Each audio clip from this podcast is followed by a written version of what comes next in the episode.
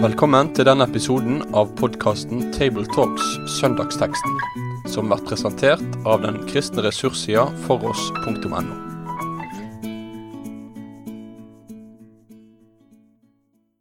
Da vil jeg ønske velkommen til en eh, ny episode av Tabletalks. Denne gangen så er det Øyvind Solheim og Jan Helge Aarseth som er til stede i, i studio. Eh, Sofie hun kunne ikke være med oss i dag, så vi får prøve å klare oss på egen hånd eh, uten henne denne gangen.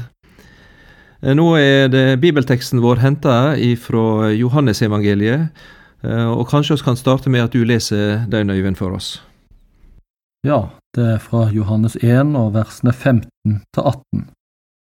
Johannes vitner om ham og roper, Det var om ham jeg sa, Han som kommer etter meg, er kommet foran meg, fordi han var før meg.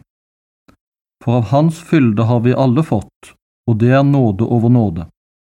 For loven ble gitt ved Moses, nåden og sannheten kom ved Jesus Kristus. Ingen har noensinne sett Gud. Den enbårne Sønn, som er i Faderens favn, han har forklart ham. Ja, takk, Herre og Frelser, for disse ordene måtte vi gjennom samtalen få øye på hvem du er, Jesus, og dermed øye på vår Gud og skaper. Amen.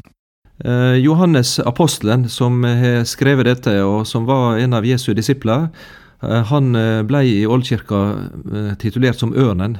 Han fikk liksom symbolet for den fuglen som flyger høyest og ser skarpest. Og Det er dette perspektivet over Jesus og hans historie og liv og tjeneste som er, er veldig langt.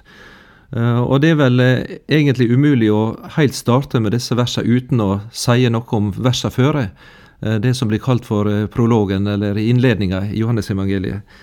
Mm, du fortalte Øyvind at du ofte brukte å lese innledninga og introduksjonen i bøker som du leser. Ja, altså dette er jo kalt Johannesprologen og er en innledning på en måte i Johannesevangeliet som et forord. men men eh, jeg vet at mange er ikke sånn som meg. De hopper over forord og etterord og sånne ting. De er ikke sånn som oss boknerder som, som med nysgjerrig, barnlig glede leser både forord og etterord og fotnoter. Eh, eh, enda til sånn at jeg leser forordet på juleheftene.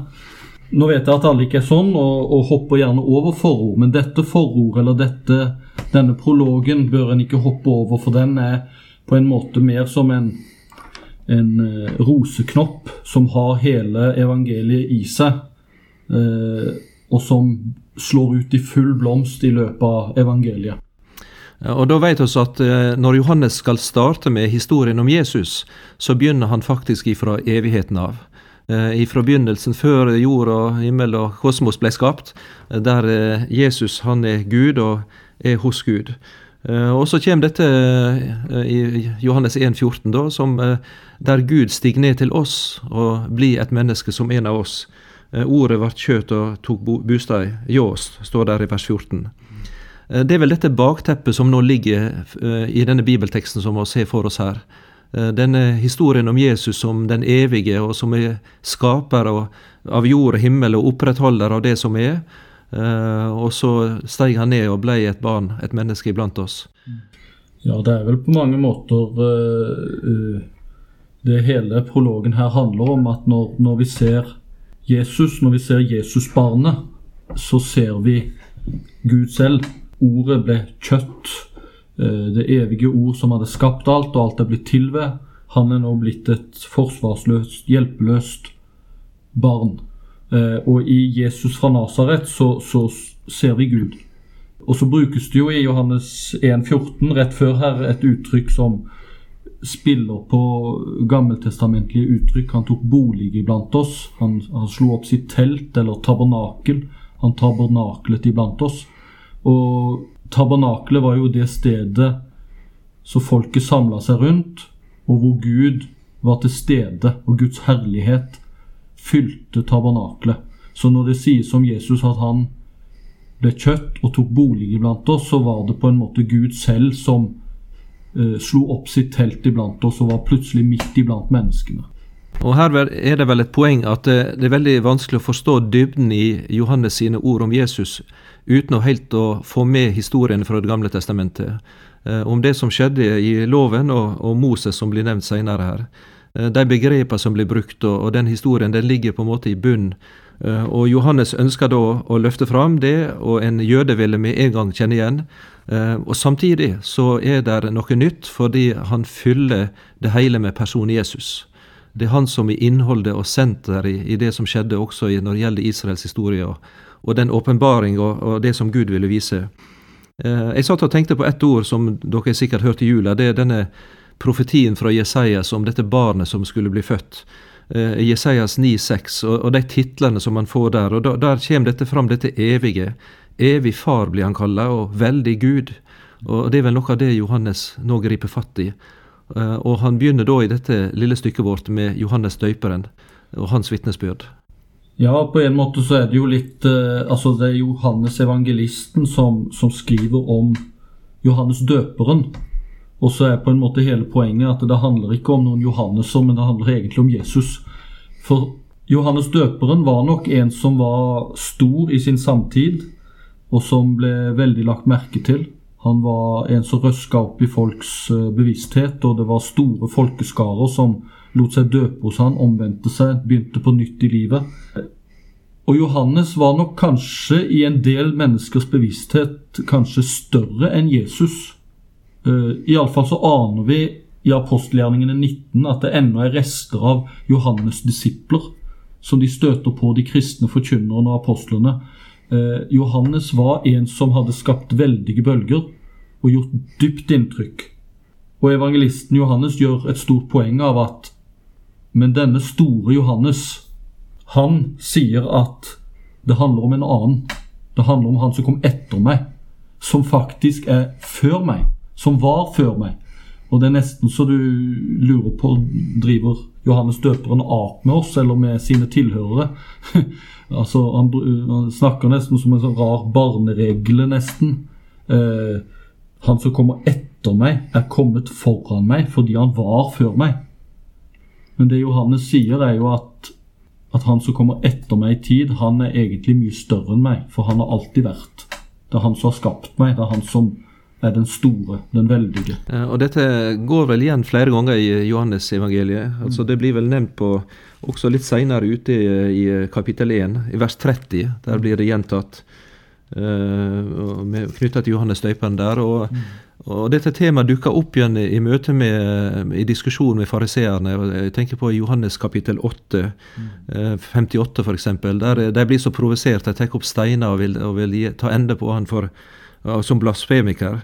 For da han sier 'før Abraham var, er jeg', mm. der til og med dette med gudsnavnet Javé, eh, den evige Gud i presens, blir brukt om, om personen Jesus.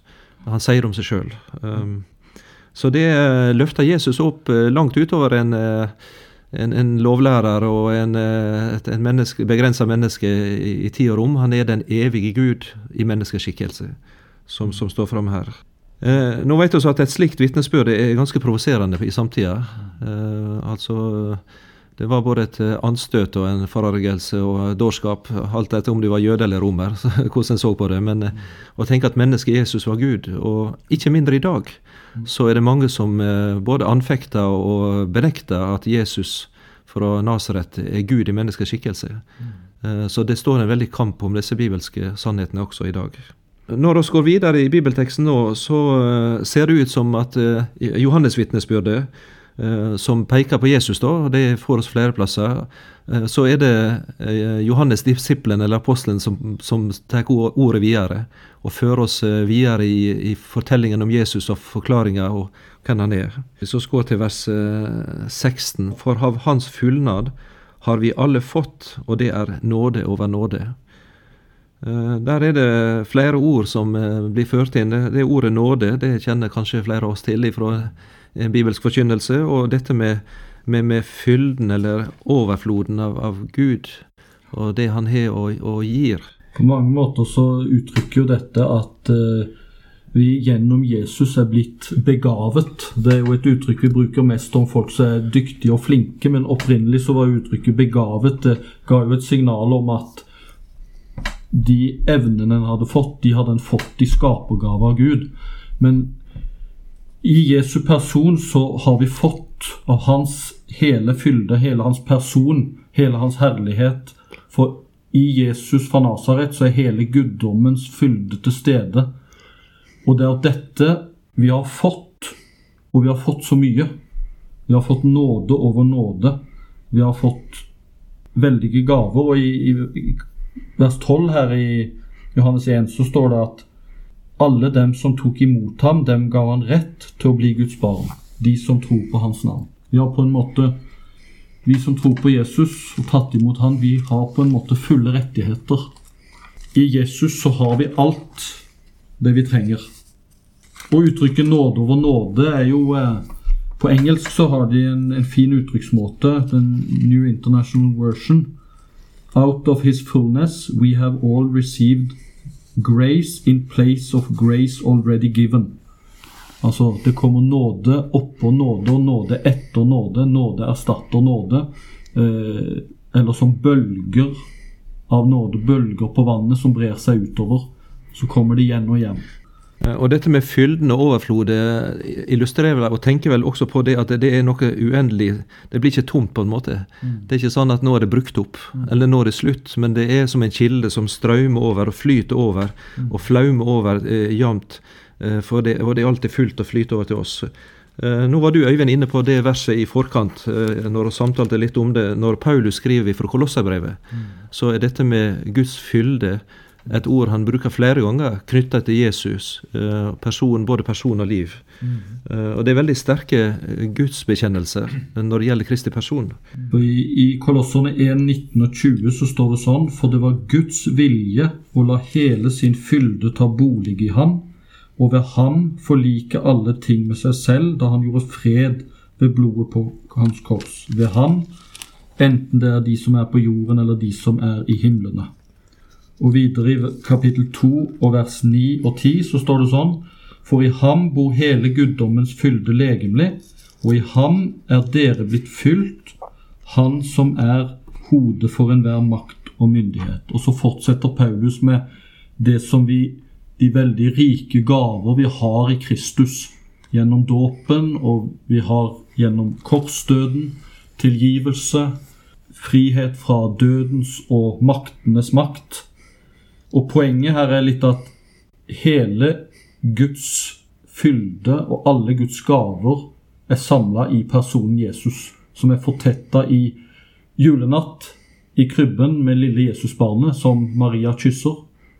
Der har du alt av Guds velsignelser og gaver.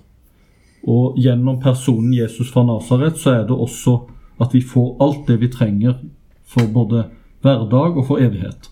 Uh, og Nå ser vi i Johannes brev, uh, i evangeliet da, at dette er ikke bare begrenset til en liten gruppe, men det var som du leste fra vers 12 også. Alle de som tok imot han, de fikk del i dette. Mm. Og Johannes eh, nevner det igjen. Altså har vi alle fått. Det er ei åpen dør for hvert menneske som kommer til han. Han bruker også dette ordet nåde, og kanskje her er dette du nevnte med nåde over nåde her. Det med nåde er litt vanskelig å forstå. Eh, det er liksom i vår logikk og sånn, så eh, Det med at du får igjen for det du eh, gir, og det at du blir betalt ut fra fortjeneste, og dette er vel vår tankegang. Mm. Det du sår, skal du høste. Det er også et ord som noe du bruker. Det står selvsagt ja. noe om det, men bruker det om forholdet her. Men nåden er vel noe annet enn det? Ja, Nåden er jo på mange måter den overraskende velviljen fra Guds side, til tross for at en ikke kunne vente noe godt. Altså, det er noe som overrasker oss når vi minst venter det. Når vi venter kanskje fortjent straff og konsekvenser, så overrasker Gud oss med tilgivelse, barmhjertighet og nåde. Eller som han overrasket oss med å sende Jesus. Ordet ble kjøtt, ordet ble menneske. Eh, en har kalt uh, nåde, eller Guds nåde, for Guds smil. Uh, at en Gud ser oss inn i øynene og smiler kjærlig og velvillig imot oss. Eh, nå er det slik at uh, dette med nåde og overnåde og nåde på nåde er, Nåden er ikke bare begynnelsen på livet med Gud. Det er ikke bare en grunnvoll som legges, og så skal du liksom bygge resten. Spesielt i den romersk-katolske frelsesforståelsen så tenker de litt sånn at Gud hjelper deg litt på veien og legger et fundament, og så får du sjøl oppgaven i å klatre videre for å nå fram. Nei, det ser ut sånn her at dette med nåden det er noe som innslutter og ombefatter hele gudslivet. Ikke bare grunnvollen, men selve byggverket og tjenesten og fullførelsen og det komplette. Den fortsetter i samme spor. Det er ikke bare starten på et gudsliv, men det er fortsettelsen på det. Og fullendelsen til når en når fram til himmelen. Den har den samme ramme og innhold og, og samme puste på et punkt du, og luft som du puster inn. Mm. Eh, en er eh, avhengig av Guds nåde på samme måte som et liv er avhengig av luft for å puste og leve. Det blir som et livsrom, en, ja. en biotop en, der en lever godt. Da, og der en må leve, mm. skal en nå fram. Mm. Um, nå satt jeg nå jeg leste dette her, så og kommer til å se litt på versene utover her. at uh, der ligger litt uh, en, en, historie i bakgrunnen for noen av disse ordene som Johannes bruker. og Det er Israels uh, utfrielse fra Egypt og det som skjedde i Sinai. Uh, for der opplevde de da, hvis en går til andre Mosebok, kapittel 32, 33 og 34, at da Moses var på Sinai og fikk loven og åpenbaringa av Gud der, av Guds vesen og hellighet, så samtidig så bøyde israelsfolket kne for en gullkalv og tilba den. Det folket som uh, Gud da hadde sett i nåde til, som gjennom lammet som ble ofra i Egypt, hadde uh, befridd. Uh, de som unnslapp døden og dommen når engelen kom, de førte han gjennom Israel, det, det røde havet, unnskyld, og ut i Sinai. Da, og, og de ble frelst og fri. Og så samtidig så falt de i avgudsdyrkelse og, og, opprør. Så de trengte nåden på nåden igjen, eh, i den fortsatte nåde, eh, for å kunne komme fram til eh, løftelandet og bli bevart hos Gud. Ja, og på mange måter i den fortellingen fra andre Mosebok der, så, så møter vi problemstillingen som kommer igjen og igjen mennesker ønsker å få se Gud og få se Guds herlighet. Moses spør om å få se Guds herlighet. Mange mennesker ønsker å få se hvor er Gud. Kan vi se han? Kan, jeg har så lyst til å se Gud. Eller som Philip spør senere i Johannes evangeliet. Bare vis oss Faderen, sier, sier, sier, han til Jesus. Så er det nok for oss. Det er noe vi ønsker å, å se Skaperen og Gud. Og så er egentlig ligger svaret i vår tekst men Moses òg får jo et svar. Du, Jan Helge, hadde jo eh, lest på dette i forkant her. Hva er det Moses erfarer? Ja, for eh, En ser at når eh, Johannes da skriver om dette om Jesus, om Guds fullnad, og, og han skriver om dette om nåde over nåde, så går han straks over i vers 17 til Moses. Og skriver da om lova som ble gitt ved Moses, og nåden og sanninga som kom ved Jesus Kristus. Dette med disse ordpara, hvis en skal se på dem med nåde og sanning, der er en plass de dukker opp i Det gamle testamentet, og det er akkurat der historien om Moses. Eh, Knytta til, uh, til, hans Da han var oppe på Sinai-fjellet. og Hvis vi går til andre Mosebok kapittel 32, så finner vi altså dette, denne gullkalven som, som Aron fikk bygd, og som israelsfolket fall ned for og tilba. Se, her er vår Gud. Det er Han som frelste oss ut. Og så vet vi da at eh, Moses, eller Gud sender Moses ned fra fjellet, og han så hva som skjedde, og ville gjøre ende på folket eh, pga. deres frafall. Og så får vi oppleve i, i andre Mosebok kapittel 33 at folket har en forbeder. En, en, som trygler og ber Gud om å spare folket eh, fra deres synd og ikke utslette dem. Han går til og med så langt Moses at han sier du får heller slette mitt navn ut av livets bok, hvis du kan bevare disse. Eh, så han er villig til sjøl faktisk å gå i dom og, og, og imot at folket ble bevart. Og, og der er en, en sånn bønnekamp som Moses har eh, med, med, Gud på fjellet der, og det er dette eh, om, om, å få se Herrens nåde. og Når Moses da stiger ned til folket og er der, så ser vi at han møter Herren i sammenkomstens telt. Der har du det med tabernaklet. og der Herrens herlighet som ei sky blir stående over dem. det er samtidig soningsplassen, offerstedet. Der eh, lammet ble slakta, og alt dette som er knytta til det.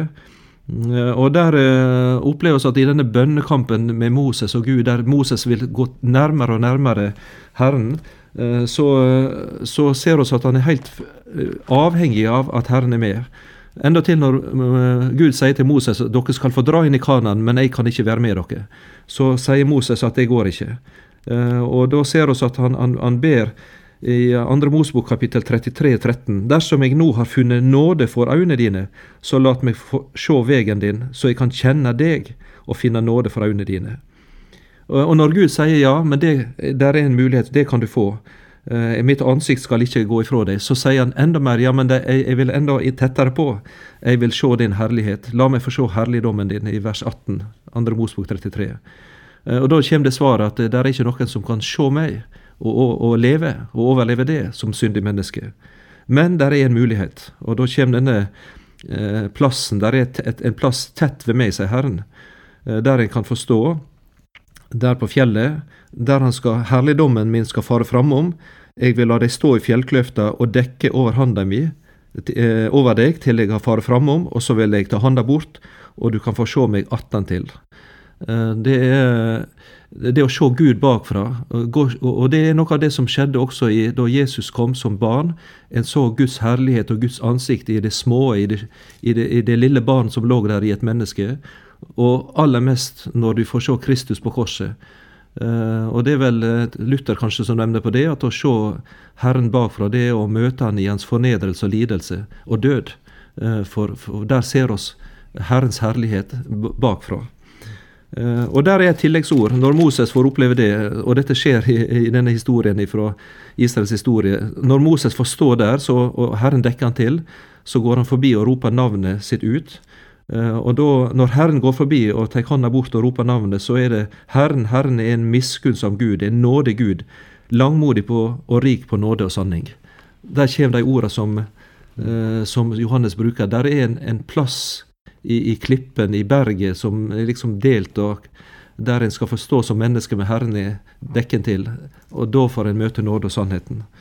Eh, Johannes han bruker tydeligvis dette mm. og sier at nå er de oppfylt.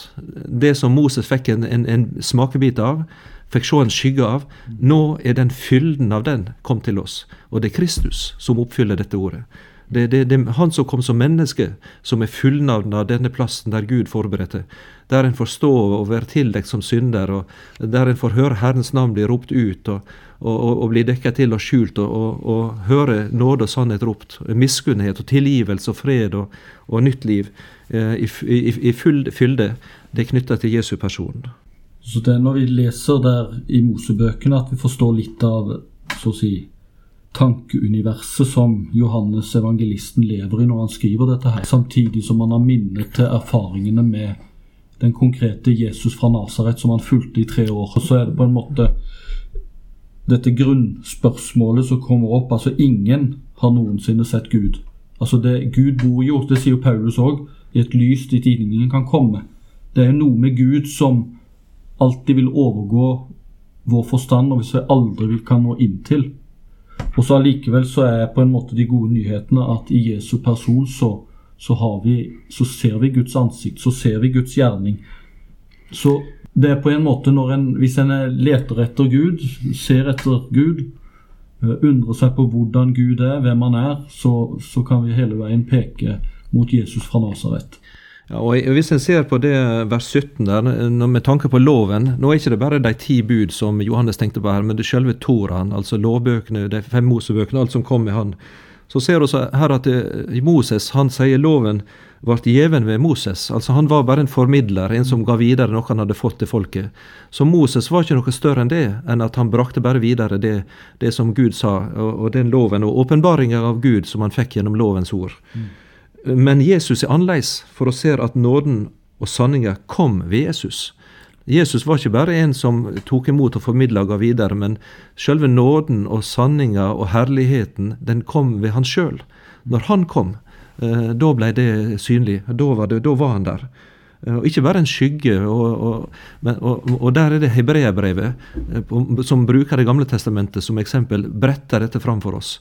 Alle disse forbilder og profetiene og lovene og alt som var lagt til i ordninger med offer og alt dette, og presteskap og alt, det var bare en midlertidig skygge som var til, men det peker fram på Han, den fullkomne eh, Guds sønn som kom, og Han er den som fyller alt dette.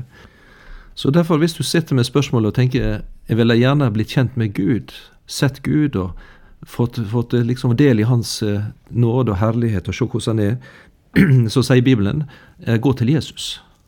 Eh, der vil du finne det alt. Der blir det åpenbart.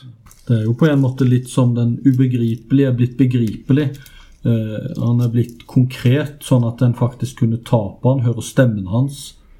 For, og Johannes, evangelisten, når han skriver sitt brev, så begynner han jo med å, å, å si at det våre hender har tatt på og sett på. 1. Johannes brev 1, så begynner han sånn. Det som var fra begynnelsen, det som vi har hørt, det som vi har sett med våre øyne, det som vi betraktet og våre hender rørte ved, om livets ord. Og livet ble åpenbart, og vi har sett det og vitner og forkynner dere det evige, som var hos Faderen og ble åpenbart for oss. Eh, så Jesus han har på en måte gjort den usynlige Gud synlig, og den ubegripelige begripelig. Og nåden og sannheten kommer til oss i en person. Uh, og i vers 18, det siste verset vårt, at ingen har noen gang sett Gud, uh, men den enbårne sønnen som er i Faderens fang, han har synt oss hvem han er. Se han, og du ser han ja, eisegeses, eller det, det, er litt av det samme ordet som uh, har blitt vårt eksegese, som teologene snakker om, hvor en skal tolke eller utlegge Bibelen. Det er noe av samme roten, iallfall, til, til det ordet. Så, så på en måte så, så, står det det at Jesus har på en måte utlagt eller forklart eller fortolket Gud for oss. Gud som alltid er større enn våre forestillinger, og som vi aldri kan begripe. Han bor som sagt i et lys dit ingen kan komme. I Jesu person, Jesu liv og i Jesu gjerning så har vi på en måte fått den forklaringen, den utleggelsen vi trenger om Gud.